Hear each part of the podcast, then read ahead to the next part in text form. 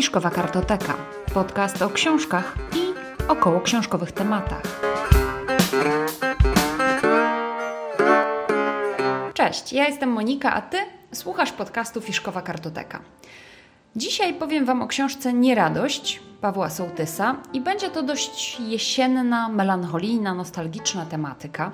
Więc jeśli taki temat i taki nastrój Was interesuje, to ja serdecznie zapraszam do słuchania dalej. Tytuł książki Nieradość. Autor Paweł Sołtys. Wydawnictwo Czarne. Książka została wydana w roku 2019. Może zacznijmy od samego autora. Paweł Sołtys, znany do niedawna, był głównie jako muzyk. Um, chyba głównie też jako solista jednego z moich ulubionych polskich zespołów, Pablo Pawo i Ludziki. Ja zawsze ich teksty bardzo lubiłam, bo dla mnie one nie tylko miały sens, ale miały też jakiś taki element zabawy gry słownej, mm, zabawy rytmem, znaczeniami. Zresztą, jeżeli nie kojarzycie tego zespołu, to posłuchajcie fragmentu utworu Szmerem Pablo Pawo i Ludziki. Kamykiem w bucie, bo buty nie znoszę Trochę tym, trochę tamtym cwaniakiem potroszę Proszę o twoje ucho i myśli kawałek Krótko umowę o dzieło, gdzie nic na stałe W świecie, gdzie nic na stałe i tak jak mówiłam, do niedawna Paweł Sołtys był znany głównie jako muzyk, natomiast um, chyba ze dwa lata temu wydał swoją pierwszą książkę, Mikrotyki. Był to zbiór opowiadań. I ten zbiorek opowiadań został nominowany do Nagrody Nike, do Paszportu Polityki. Książka zbierała bardzo dobre recenzje i ponieważ słyszałam o niej bardzo dużo, to też miałam ochotę po nią sięgnąć, natomiast za długo chyba się zbierałam, bo Paweł Sołtys zdążył wydać już drugą książkę, właśnie tę Nieradość. I stwierdziłam, że skoro tak, to zabiorę się właśnie za tą drugą książkę. Jeżeli mi się spodoba, to sięgnę po pierwszą, po mikrotyki. I zaczynając już od pierwszego rzutu okiem na książkę, jest ona wydana w twardej oprawie. Książka jest zaprojektowana, okładka jest zaprojektowana przez studio Fajne Chłopaki, a dokładniej przez pana Łukasza Zbieranowskiego, przynajmniej tak głosi informacja w środku książki. Jest to dość drobna, cienka pozycja i kiedy zaglądam do środka, liczy sobie 174 strony. Na końcu książki jest spis treści, który głosi, że jest to zbiór 26 opowiadań. Jak sobie tak na szybko obliczyć, 174 na 26 opowiadań to wychodzi średnio niecałe 7 stron na opowiadanie, więc króciuteńkie opowiadania. Ale są jeszcze krótsze niż siedmiostronicowe, bo są dwustronicowe, ale są także dłuższe opowiadania. Ja zbiory opowiadań zwykle zaczynam czytać właśnie od spisu treści i raczej rzadko czytam je od pierwszego do ostatniego w takim chronologicznym ciągu. Zwykle czytam od tych najkrótszych albo od tych, których tytuły mi się najbardziej podobają. I tak też było w tym przypadku. Ja zaczęłam czytać od tych najkrótszych dwustronicowych fragmencików.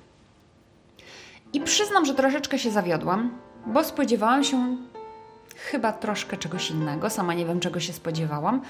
Mm, zapisałam sobie takie uwagi na kartce podczas czytania niepołączone ze sobą historie, pełne dygresji, niby krótkie, a miały wiele wątków pobocznych.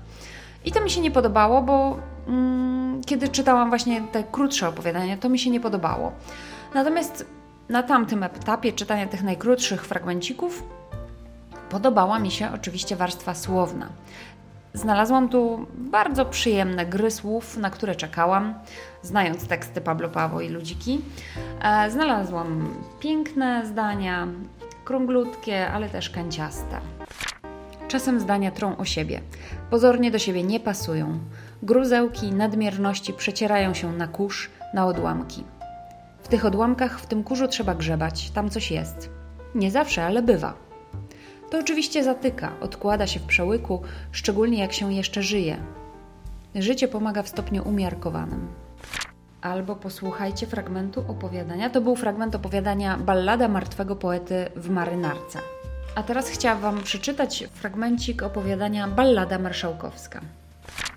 Ja oczywiście przeciwnie, ja za pozwoleniem szanownych państwa, a gdzie tam bez żadnego.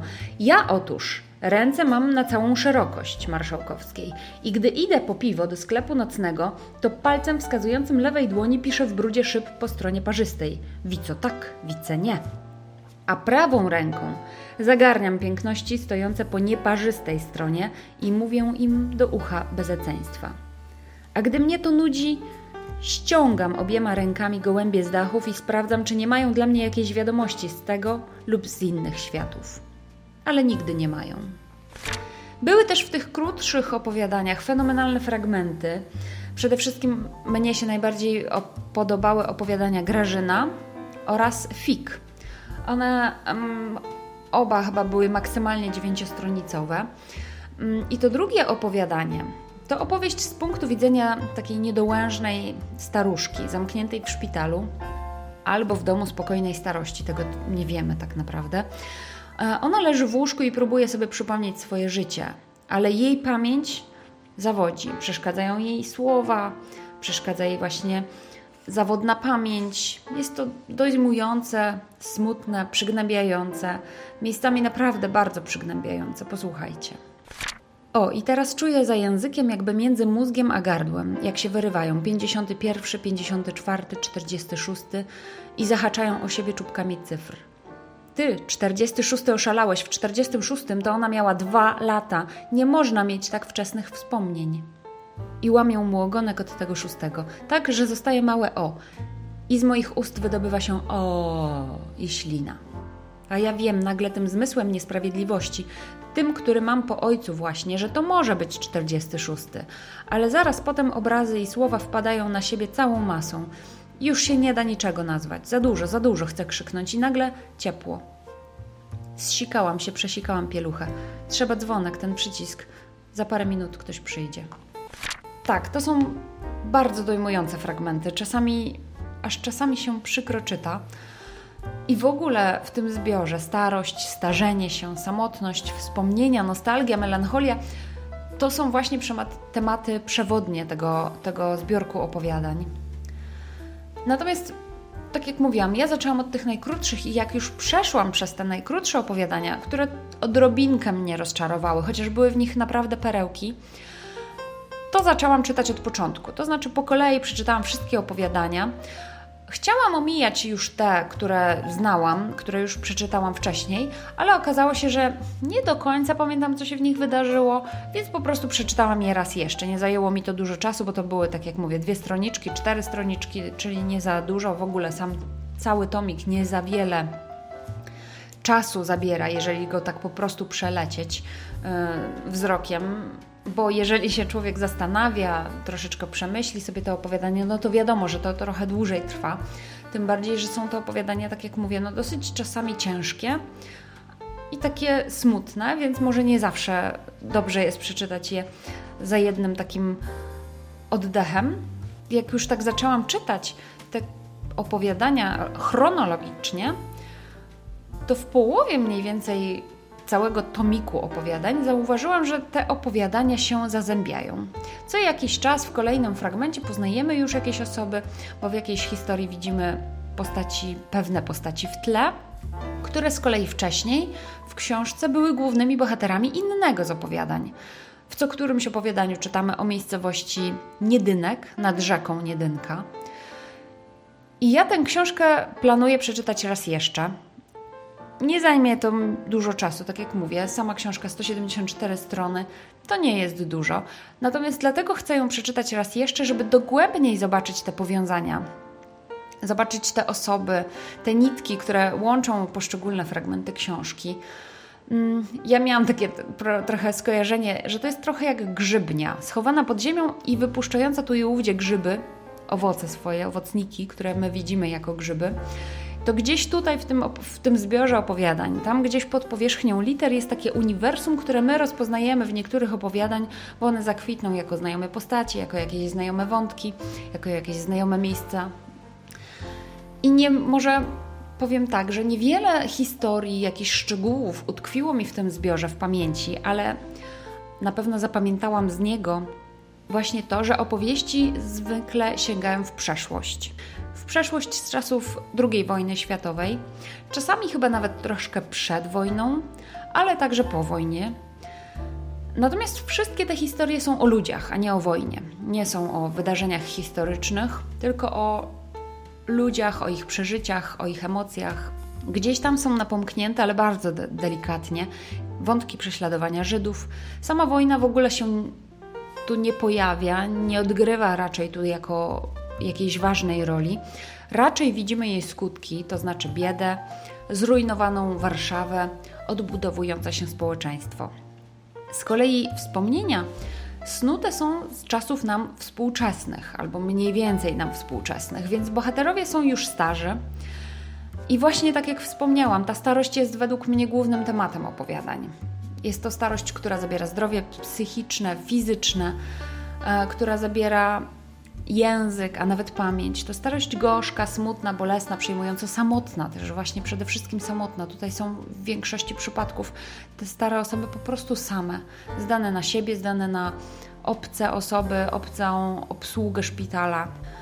I tak jak mówię, ja na pewno radość, nie radość przeczytam raz jeszcze i potem chyba zobaczę, jak na tym tle wygląda ta pierwsza książka Pawła Sołtysa, Mikrotyki, bo ciekawa jestem, czy ten temat starości jest też tam, czy jest to zupełnie inny temat, inna, inny nastrój. Dajcie znać, co wy myślicie o tej książce, bo mówię, kiedy zaczęłam czytać te opowiadania, one mi się niespecjalnie podobały. Po drugim czytaniu jestem naprawdę zachwycona, ale wydaje mi się, że trzecie czytanie jeszcze będzie jeszcze więcej dla mnie odkryje tutaj mm, radości w nieradości. Więc ciekawa jestem Waszego zdania. Tymczasem bardzo dziękuję za wysłuchanie tego odcinka. Zapraszam na mój profil facebookowy. Zapraszam na mój Instagram. W obu miejscach znajdziecie mnie jako Fiszkowa Kartoteka. Na Facebooku i na Instagramie możecie zobaczyć książki, które czytam. Znajdziecie mnie także mailowo pod adresem fiszkowamałpa.interia.pl jeśli odcinek Wam się spodobał, a jeszcze nie subskrybujecie, to zachęcam do subskrypcji. Wtedy kolejny odcinek Was nie ominie. Możecie subskrybować na aplikacjach do słuchania podcastów, ale jestem także obecna na YouTubie, więc e, zajrzyjcie na YouTube, e, wyszukajcie Fiszkowa Kartoteka. Tam są moje mm, odcinki. One są także w formie podcastu, więc mnie raczej nie zobaczycie, może kiedyś. E, natomiast na razie po prostu wrzucam odcinki jako audio tylko. Zapraszam także do słuchania mojego drugiego podcastu. Lubię wiedzieć. W tamtym podcaście mówię o różnych ciekawostkach. Tymczasem do usłyszenia. Cześć.